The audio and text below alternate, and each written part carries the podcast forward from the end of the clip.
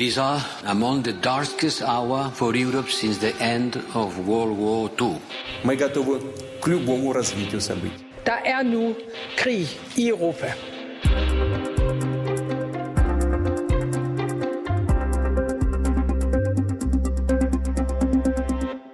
We've been a nation too long at war.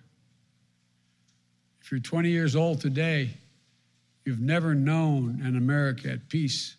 Ja, sådan lød det fra den amerikanske præsident Joe Biden tilbage i august måned efter en øh, lang og nedslidende Afghanistan-krig, der varede to årtier, så var amerikanerne mildest talt trætte af krig og trak sine tropper hjem. Men de seneste uger, der har vi under invasionen af Ukraine set noget, der tyder på, at amerikanerne måske er kommet sig oven på deres krigstræthed.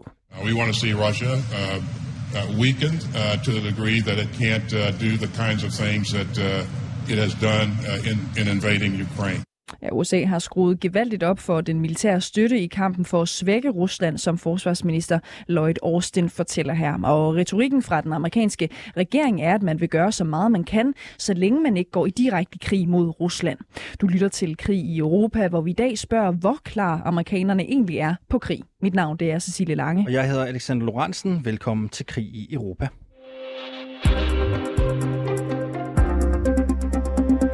Den ukrainske hovedstad har haft besøg af op til flere amerikanske, amerikanske repræsentanter på det seneste. Søndag var det Nancy Pelosi, formanden for repræsentanternes hus, der sad over for præsident Zelensky i Kiev. We believe that we are visiting you uh, to say thank you uh, for your fight for freedom, that we are on a frontier of freedom, and that your fight is a fight for everyone. And so our commitment is to be there for you until the fight is done. Og det her taler faktisk meget godt ind i budskabet fra vores næste gæst, nemlig at krigen i Ukraine, den for amerikanerne også er blevet en krig for vestlige værdier.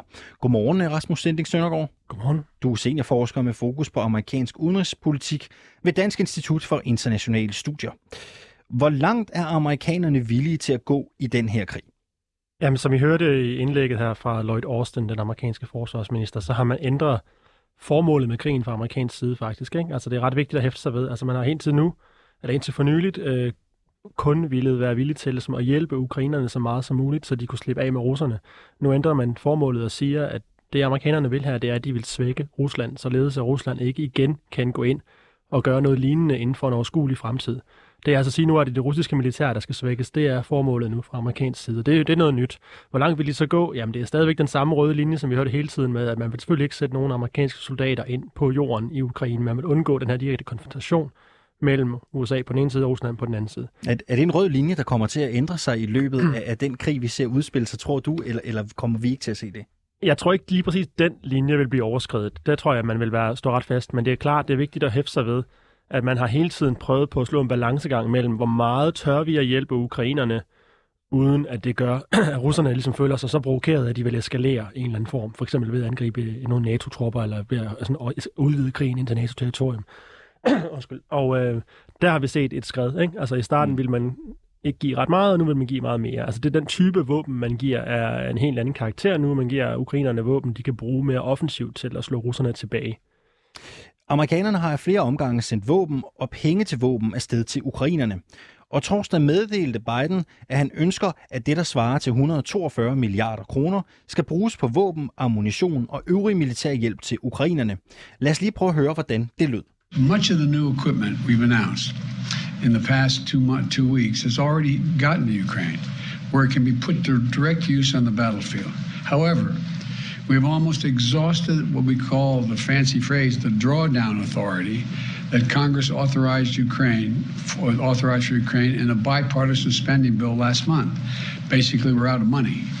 And so that's why today, in order to sustain Ukraine as, a, as it continues to fight, I'm sending Congress a supplemental budget request. It's going to keep weapons and ammunition flowing without interruption to the brave Ukrainian fighters and continue delivering economic and humanitarian assistance to the Ukrainian people. Hvor omfangsrig og opsigtsvækkende vil du egentlig sige, at den her indsats øh, er blevet?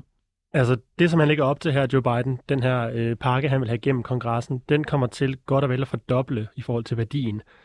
Fordoble værdien af de våben, amerikanerne har givet ukrainerne indtil nu. Så det er jo en, en, en betydelig øh, forøgelse.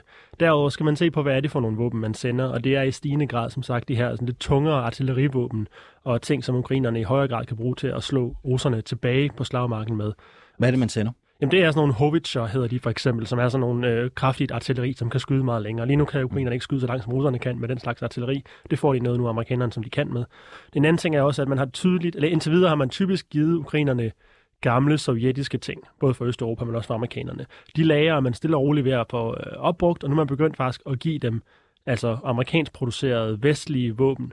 Og det kræver så typisk, at man skal uddanne de ukrainske soldater i at bruge det, og det er også et skridt ned ad vejen, man har taget, som man ikke vil tage tidligere, hvor altså amerikanerne lige nu træner ukrainske soldater på et uh, ukendt sted i Europa, i hvordan man bruger de her uh, nye våben, som amerikanerne sender dem. Så USA's engagement og involvering i at hjælpe ukrainerne på slagmarken bliver hele tiden uh, optrappet på den her måde.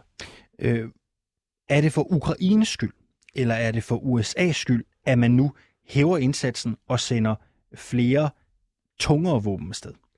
Jamen, det er jo både og, kan man nok sige, ikke? Altså, det er jo det der med, at det også, at, at min, ja, med ven, vens fjende og fjendens venner, hvad det nu er, nu har jeg lige glemt, hvordan man formulerer det, men du mm. ved, altså det er, det handler selvfølgelig om, at man ønsker at støtte ukrainerne, det har man jo gjort øh, hele tiden, når man ser dem som sådan et mønstereksempel på et øh, lille demokratisk land, der er blevet overfaldet af den store autoritære fjende. Det kan amerikanerne jo med deres egen forhistorie øh, og uafhængighed af den slags også øh, lidt genkende den fortælling. Den fortælling fortæller man i hvert fald i USA, at det er det, det drejer sig om. Så det handler om at hjælpe ukrainerne, øh, men det handler i høj grad også om, som vi hørte indledningsvis fra, udenrigs, eller fra forsvarsminister Austin, om at svække russerne, og det er jo i amerikanernes egen interesse. Amerikanerne har jo en interesse i, at Rusland står øh, svækket, både økonomisk, militært og sådan noget strategisk overordnet set på den internationale scene, man er jo stadig rival i en eller anden omfang.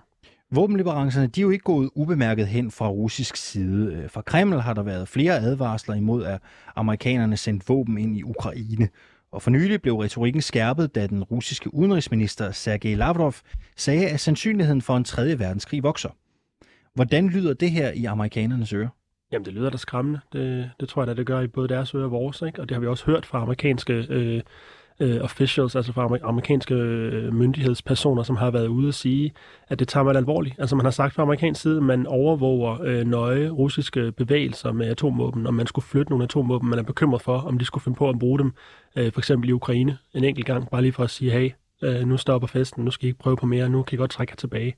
Så man er bekymret. Man har også samlet øh, i Biden-administrationen det, der hedder sådan et Tiger-team, altså en gruppe eksperter, som sidder øh, 24 timer i døgnet og kommer op med forskellige scenarier. Hvad gør vi, hvis nu sådan og sådan og sådan, hvis russerne bruger de og de våben, inklusive atomvåben? Så man tager det jo alvorligt. Derfor så siger man stadigvæk, at sandsynligheden formentlig er lille, men den her ting kan gå meget hurtigt. Øh, altså lige pludselig kan det gå fra trusler til handling, det, og så skal man være klar. Og, det, og den trussel tager man seriøst i USA.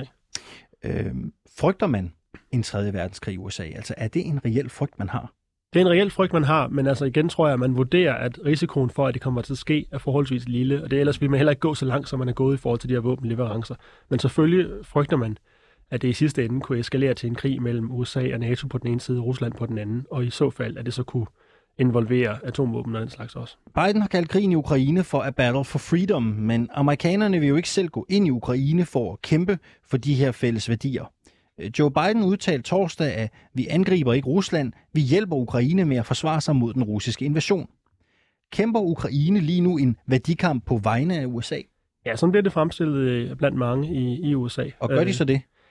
Nej, Ukraine kæmper selvfølgelig en overlevelseskamp for sig selv, det er klart. Altså, Ukraine er et land, som blev invaderet af deres øh, store nabo, som de har et, øh, hvad skal man sige, kompliceret øh, historisk forhold til. Og de kæmper selvfølgelig for deres egen selvstændighed. De kæmper for at ikke at blive inkorporeret i Rusland, eller i hvert fald for at kunne beholde det styre, de har nu, alt efter hvad det er, Rusland i sidste ende ville gøre, hvis de fik kontrol i landet. Biden har også sagt, at det er slut med langvarige krige for amerikanerne. Tror du, hans opfattelse vil ændre sig i takt med, at krigen udvikler sig i Ukraine? Det er svært at svare entydigt på, men umiddelbart nej. Altså, jeg tror stadigvæk, at han holder fast i det, som han sagde også, da man trak sig ud af Afghanistan, at man ikke vil involvere sig i den her type krige. Og i det her tilfælde drejer det sig altså primært om konsekvenserne af at involvere sig i en krig her modsat Afghanistan, så er det her en krig, der netop kan eskalere til en tredje verdenskrig. Så jeg tror, man holder fast i, at man ikke vil involvere sig direkte med soldater. Men er der noget, der kunne tale for, at Biden ville fortryde? Fortryde, at man ikke involverer sig? Ja. Jamen altså, vi har set presset for at gøre mere er jo vokset i stil med, i, i takt med, at vi har set forfærdelige billeder komme ud over Ukraine, ikke? For forskellige, øh, altså at tale om, om muligt folkedrab og så videre. Øhm, altså, det er klart, at han vil måske fortryde, hvis russerne de, de øh, eskalerer kraftigt militært, så vil han måske fortryde, at man ikke har gjort mere for, for at stoppe det. Men omvendt igen, altså, hvad er det, der fører til eskalation? Er det, at man gør for meget, eller man gør for lidt? Det, det vil være en kontinuerlig debat, også blandt forskere. Jeg tror ikke, at Biden vil gå meget længere end, end nu her. Altså den der røde linje med at sende tropper ind, den tror jeg, han holder fast i, uanset hvad, og den tror jeg ikke, han fortryder. Og hvad er frygten ved at sætte amerikanske tropper ind i krigen? Det er den samme frygt, som der var ved den her såkaldte no-fly zone, der blev talt meget om tidligere i krigen i hvert fald. Ikke? Altså det er frygten for, at hvis et russisk, militær, eller russisk militær øh, angriber et øh, amerikansk eller NATO-militær, øh, altså det kan være individer eller fly osv., at så kan det få uoverskuelige konsekvenser. Altså det er frygten for eskalation. Frygten for, at man bruger andre våben, kemiske, biologiske, måske endda nukleare, men også frygten for, altså, at NATO konsekvent altså, bliver øh, inddraget i konflikten. Altså Rusland kunne måske eventuelt finde på at skyde på NATO's øh, leverancer af våben, som kommer fra NATO-lande i Østeuropa ind i Ukraine. Og hvis de gør det, så vil der være en forventning om, at USA skal svare igen på grund af den her musketeriet, vi har i NATO. Altså at USA skal komme NATO-lande i Europa til undsætning, og så har man lige pludselig en krig mellem Rusland og USA. Og Bidens frygt for det reelt? Ja, den er reel. Frygten er reel. Sandsynligheden vurderer man fra amerikansk side for at være minimal, og det er derfor, man stadigvæk godt tør at eskalere fra amerikansk side og sende flere våben og gøre mere og mere. Men frygten for, at det kan eskalere, er reel. Rasmus Sending Søndergaard, du er seniorforsker med fokus på amerikansk udenrigspolitik ved Dansk Institut for Internationale Studier. Tak fordi du kom og gjorde os klogere her til morgen. Selv tak.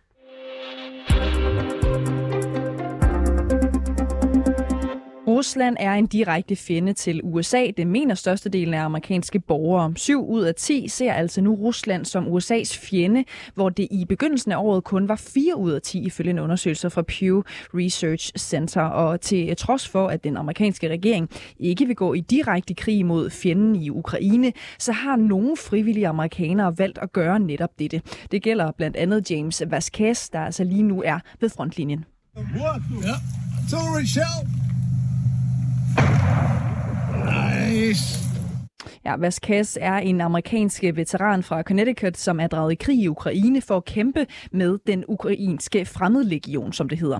Og alt imens han kæmper ved frontlinjen, ja, så deler han sine beretninger på sociale medier, hvor flere hundredtusinde følger med, når han for eksempel viser våben frem. Here it goes. You look at that. It's a machine going off of a tank. Just give me an idea of what the rounds uh, look like. Uh, look at the rounds. Slava Ukraine. Slava Ukraine. Ja, opbakningen til øh, Vasquez er stor, og det samme er de donationer, som han har oprettet til fordel for det ukrainske militær. Heading back to our uh, forward operating base with the vehicles. Just want to thank everybody once again for all the donations. We couldn't be, uh, couldn't have done this without you. Thank you so much. Anne Alling, øh, velkommen til øh, programmet. Tak skal du have. Du er 24-7's korrespondent i øh, USA, og du er med os fra uh, Tennessee. Anne Alling, det tyder på, at James Vasquez her har uh, rimelig stor opbakning fra sine amerikanske landsmænd til den kamp, som han kæmper mod fjenden uh, Rusland, altså i Ukraine. Hvorfor har han egentlig det, tror du? Det, som James Vasquez han selv siger, det er, at den her kamp, den ligesom ligger i hans DNA.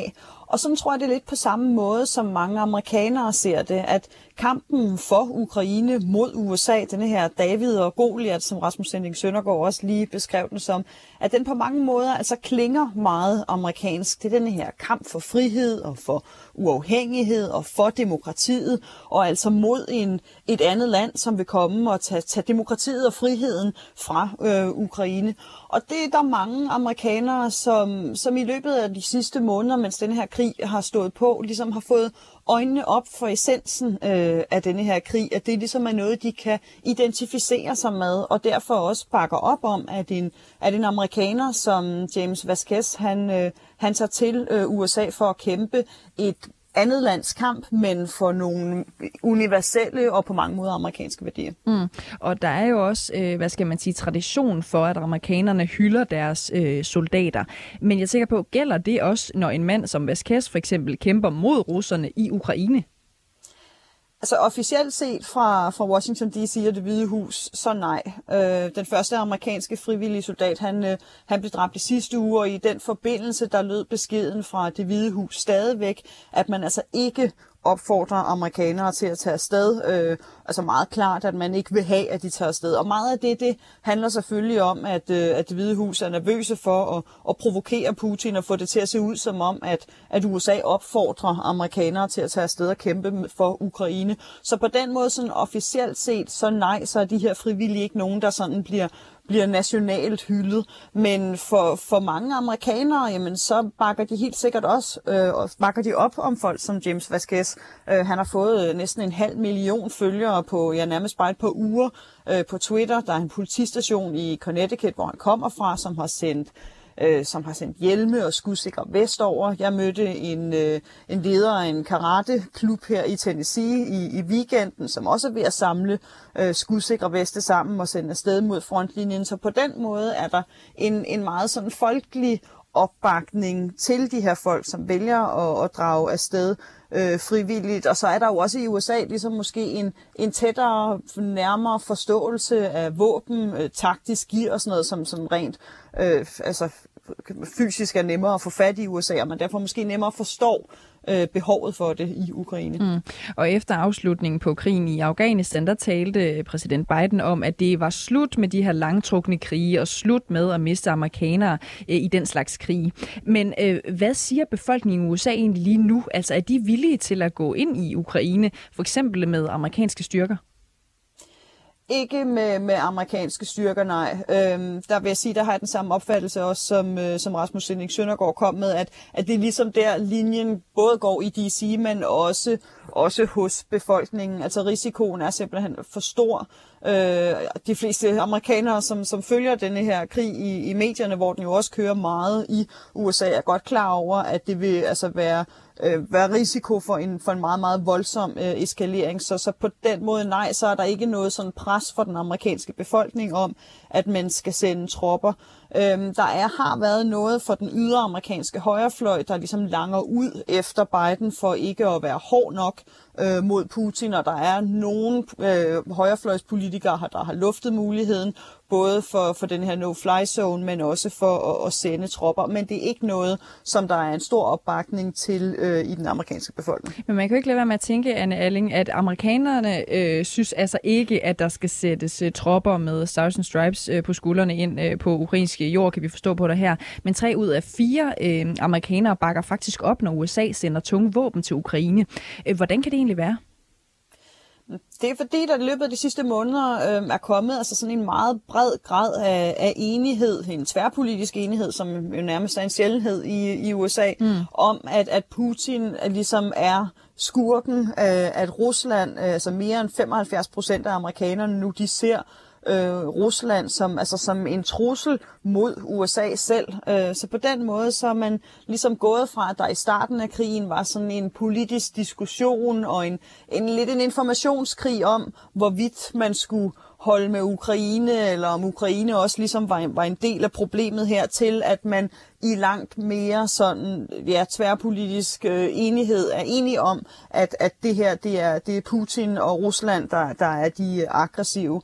Og der er man ligesom gået fra i starten blandt amerikanere, som, som håbede på, at der var en diplomatisk løsning, til nu at se, at, at det, det er der ikke. Diplomatiet øh, har ligesom ikke været nok til at, at stoppe Putin. Øhm, og der er man der er ligesom en, en enighed om, at så er det at sende våben til, øh, til Ukraine, som er den eneste løsning. Nødhjælp øh, er ikke nok. Så på den måde, så er der helt sikkert en opfattelse af, at man holder med, om man så må sige, øh, Ukraine. Det er Putin og Rusland, som, som er fjenden, og den eneste, den bedste måde, man, man så kan ramme øh, Rusland ud over de her mange sanktioner, jamen det er ved at sende, øh, sende våben og tunge våben øh, afsted til Ukraine. Og derfor kan man måske også overordnet øh, tale om, at det er sådan lidt en opsigtsvækkende, eller i hvert fald øh, øh, ja, beværkelsesmærdig øh, udvikling i amerikanernes bidrag til den her krig. Øh, jeg tænker bare på, om det her det på en eller anden måde er et tegn på, at også de amerikanske borgere på en måde er kommet videre fra hele den her øh, Afghanistan-affære øh, og krigstrætheden i det hele taget på sin vis, jo, synes jeg, synes jeg godt, man kan sige det. Altså, der var lige da krigen startede, sådan mange amerikanere, som, som, som gik på hælene og sagde, hov, var det ikke det her, vi, vi netop havde sagt, vi ikke ville, øh, ville ud i igen. Men, men der skal man ligesom også se på, på hvilken en form for krig Afghanistan var blevet, øh, og hvilken krig, øh, form for krig krigen øh, i Ukraine er lige nu.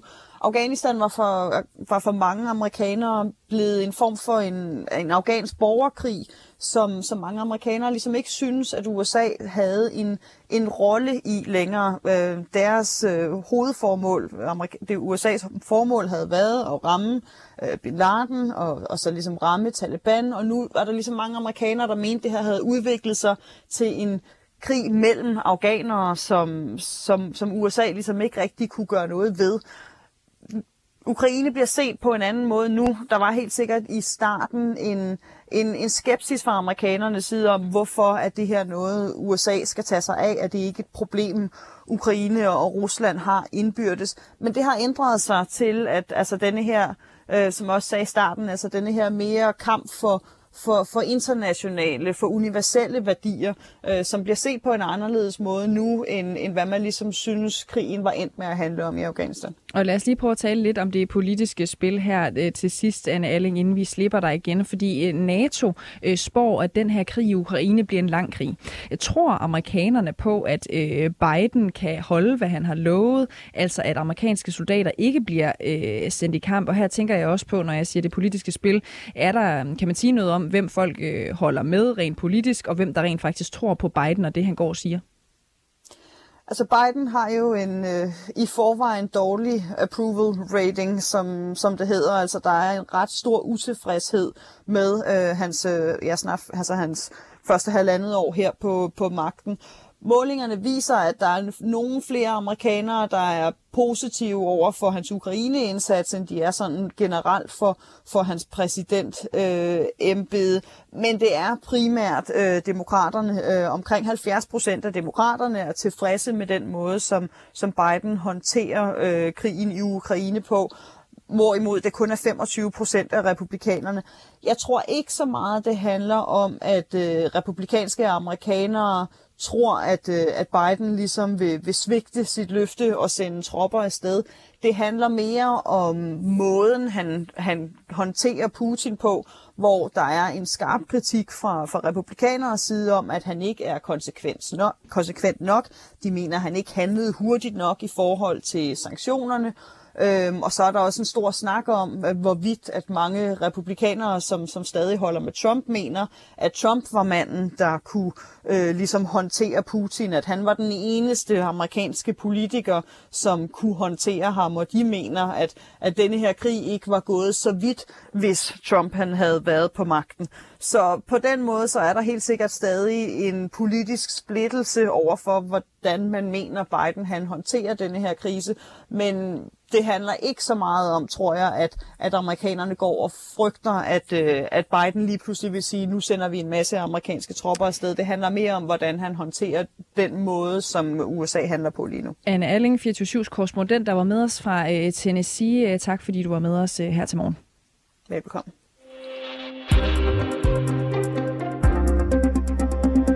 Du lytter til Krig i Europa, hvor vi i dag har fokus på et USA, der ovenpå en to årtier lang og udmattende krig i Afghanistan mildest var krigstrætte. Men nu lader de altså til på sin vis at være vågnet op til død igen. Som vi netop har hørt, så sker det ikke med amerikanske landtropper på ukrainsk jord, men ved blandt andet at sende våben for milliarder af kroner. Spørgsmålet er så bare, om amerikanerne har en plan for, hvordan de vil undgå, at de igen ender med at stå i en meget lang og opslidende krig. Godmorgen, øh, Peter Viggo Jacobsen. Godmorgen. Du er Ph.D. i international politik og lektor ved Institut for Strategi og Krigsstudier på Forsvarsakademiet. Tror du, at USA har en plan for, hvordan de får afsluttet øh, den her øh, krig? Øh, jamen det, det kan man jo sige, det er jo ikke amerikanerne, der 100% kan afslutte den her krig, forstå på den måde, det er ikke dem, der er i krig. Det de gør, det er, at de hælder våben i vildskab ind på den ene side af de to lande, der er i krig, og så afhænger det jo lidt af, hvordan de så kan finde ud af at bruge de her våben på slagmarken. Så den amerikanske plan, det er jo at prøve at se, hvor langt man kan nå, hvor mange tæsk man kan give russerne ved at give ukrainerne våben. Og der er der jo ved at ske en ændring i den amerikanske opfattelse af, hvad der kan lade sig gøre.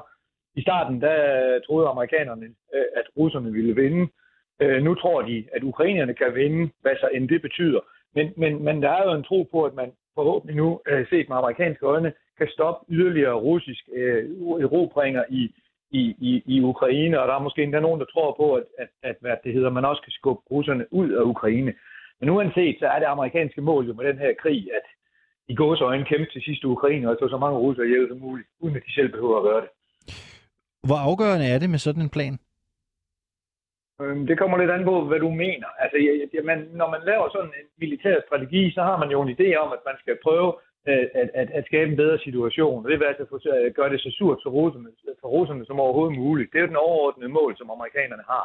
Og der kan amerikanerne jo se, at fordi russerne klarer sig meget ringere, end man først havde troet, ja, jeg synes, justerer man på planen, og man justerer på målet. Så amerikanerne har jo øget deres ambitionsniveau, fordi de kan se, at russerne klarer sig ringere end forventet. Og derved så vil det jo, man jo hele tiden sidde og kigge på, hvordan går det. Og det, som er amerikanernes dilemma det her, det er, at hvis det begynder at gå alt for godt, øh, og at ukrainerne begynder at smide russerne ud af, hvad det hedder, Ukraine, ja, så kan man jo risikere, at, at russerne eskalerer deres våbenanvendelse, og måske begynder at bruge nogle våben, som vi ikke vil være så glade for, kemiske våben og atomvåben. NATO spår, at den her krig i Ukraine, den kan vare meget længe. Øh, blandt andre har NATO's vicegeneralsekretær øh, udtalt til britiske BBC, at det kan tage år før krigen er slut. Kan en lang krig, hvor Rusland er direkte med og USA kun er med på sidelinjen, opslide det russiske militær og den russiske kampmoral, og der vil være en fordel for amerikanerne? Ja, selvfølgelig. Altså, man kan jo godt forestille sig et rerun eller en gentagelse af, af Afghanistan, øh, dengang Sovjetunionen invaderede Afghanistan. Der leverede amerikanerne våben til mujahedinerne, som bekæmpede, hvad det hedder, øh, Sovjethæren. Og der lykkedes det jo til sidst at få øh, nedslidt øh, Sovjetunionen, de so- sovjetiske styrker så meget, at de trak sig ud. Ikke? Og det er jo måske et drømmescenarie for amerikanerne, at det kunne ske her også. Øh, så, så ja, og vi har jo allerede set en markant nedslidning af de russiske styrker og det russiske materiel. De har der, mistet rigtig meget udstyr derinde, og de har også øh, fået tusinder af soldater slået ihjel. Så, så der er jo sådan set en nedslidning i gang. Og faktum er jo, som vi også har talt om, det er, at amerikanerne ikke selv er på jorden, men det er ukrainerne, der kæmper på jorden i Ukraine. Er det en gunstig situation for USA, at Ukraine, så at sige, tager opgøret mod Rusland for dem? Ja, selvfølgelig er det det, og det er jo den øh, strategi, som vi fra Vesten har forfulgt siden Irak og Afghanistan. Ikke? Altså, vi har jo også støttet andre væbnede styrker rundt omkring med henblik på, at de to kampene, så vi selv var fri, var fri for det. Det var også det skift, der skete i Afghanistan, hvor vi gik for at kæmpe for afghanerne til, at vi trækker os ud væk fra kamppladsen igen, og i stigende grad trænede afghanske sikkerhedsstyrker til sig selv at tage kampene. Det er også det, vi har gjort i Irak, det er det, vi har prøvet at gøre i Mali, og det er sådan set den modus, vi har, har brugt efter, at vi har erkendt, at det ikke altid er en god idé, at vi udkæmper andre folks krige. Amerikanerne siger også, at man går så tæt på, som man kan, men ikke i direkte krig med Rusland. Amerikanerne vil altså ikke sende egne tropper ind mod russerne. Tror du, at de kommer til at holde fast på det, selv hvis det bliver en årlang krig? Ja, fordi russerne har rigtig mange atomvåben, og dem vil vi helst ikke have i hovedet. Øh, og det er jo derfor, at vi hele tiden prøver at finde den her grænse. Hvor meget kan vi tillade os at hjælpe ukrainerne, eller hvor meget kan vi hjælpe ukrainerne, uden at russerne begynder at angribe mål på NATO's territorium. Så hele øvelsen set fra amerikanernes side går jo på at prøve at holde krigen i Ukraine, og så presse ah, russerne maksimalt der. Altså når jeg siger Ukraine, så, så mener jeg imellem Ukraine og Rusland, fordi der har jo været flere rapporter om, at ukrainske styrker er begyndt at angribe mål inde i Rusland. Men det er jo også øh, inden for rammerne, fordi det er jo en krig imellem Ukraine og Rusland, og hvis Rusland kan angribe ind mål i Ukraine, kan Ukraine selvfølgelig også angribe mål i Rusland. Men altså, det er det, som er amerikanernes mål og NATO's mål, det er jo at holde krigen begrænset til Ukraine. Og apropos de her atomvåben, skal amerikanerne være opmærksomme på, at de ikke får skabt en for stor konflikt med russerne, som de ikke kan komme ud af igen? De skal i hvert fald være opmærksom på, at de ikke får krigen til at eskalere, så den udvider sig fra Ukraine til andre NATO-lande. Fordi så bliver amerikanerne forpligtet til at sende soldater til at blive direkte pri, part i krigen for at beskytte de NATO-lande, der bliver angrebet. Og så er der jo altså den her eskalationsrisiko, altså at hvis russerne bliver for presset og ikke føler, at de kan klare sig på andre måder med brug atomvåben, det, så er der jo en risiko for, at de vil bruge dem. Og det, er vi, det, det, er vi, det vil vi jo meget gerne undgå. Lige her til sidst, hvad skal vi lige nu være allermest opmærksom på i forhold til USA's engagement i krigen i Ukraine?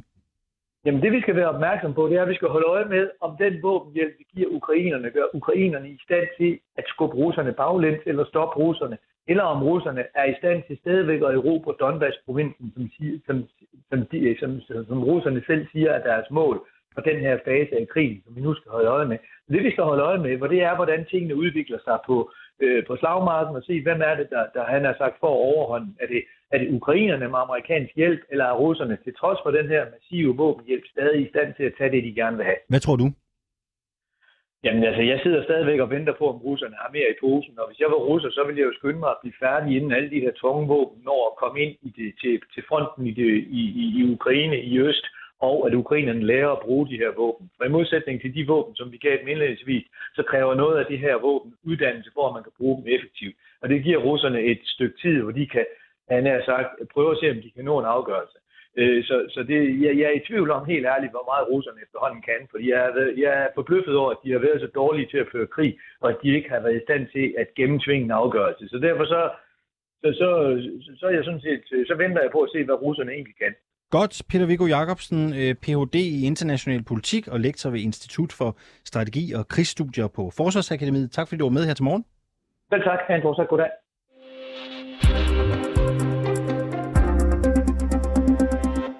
Du lytter til Krig i Europa på en dag, hvor det netop er blevet annonceret, at øh, udenrigsminister Jeppe Kofod vil genåbne den danske ambassade i Kiev.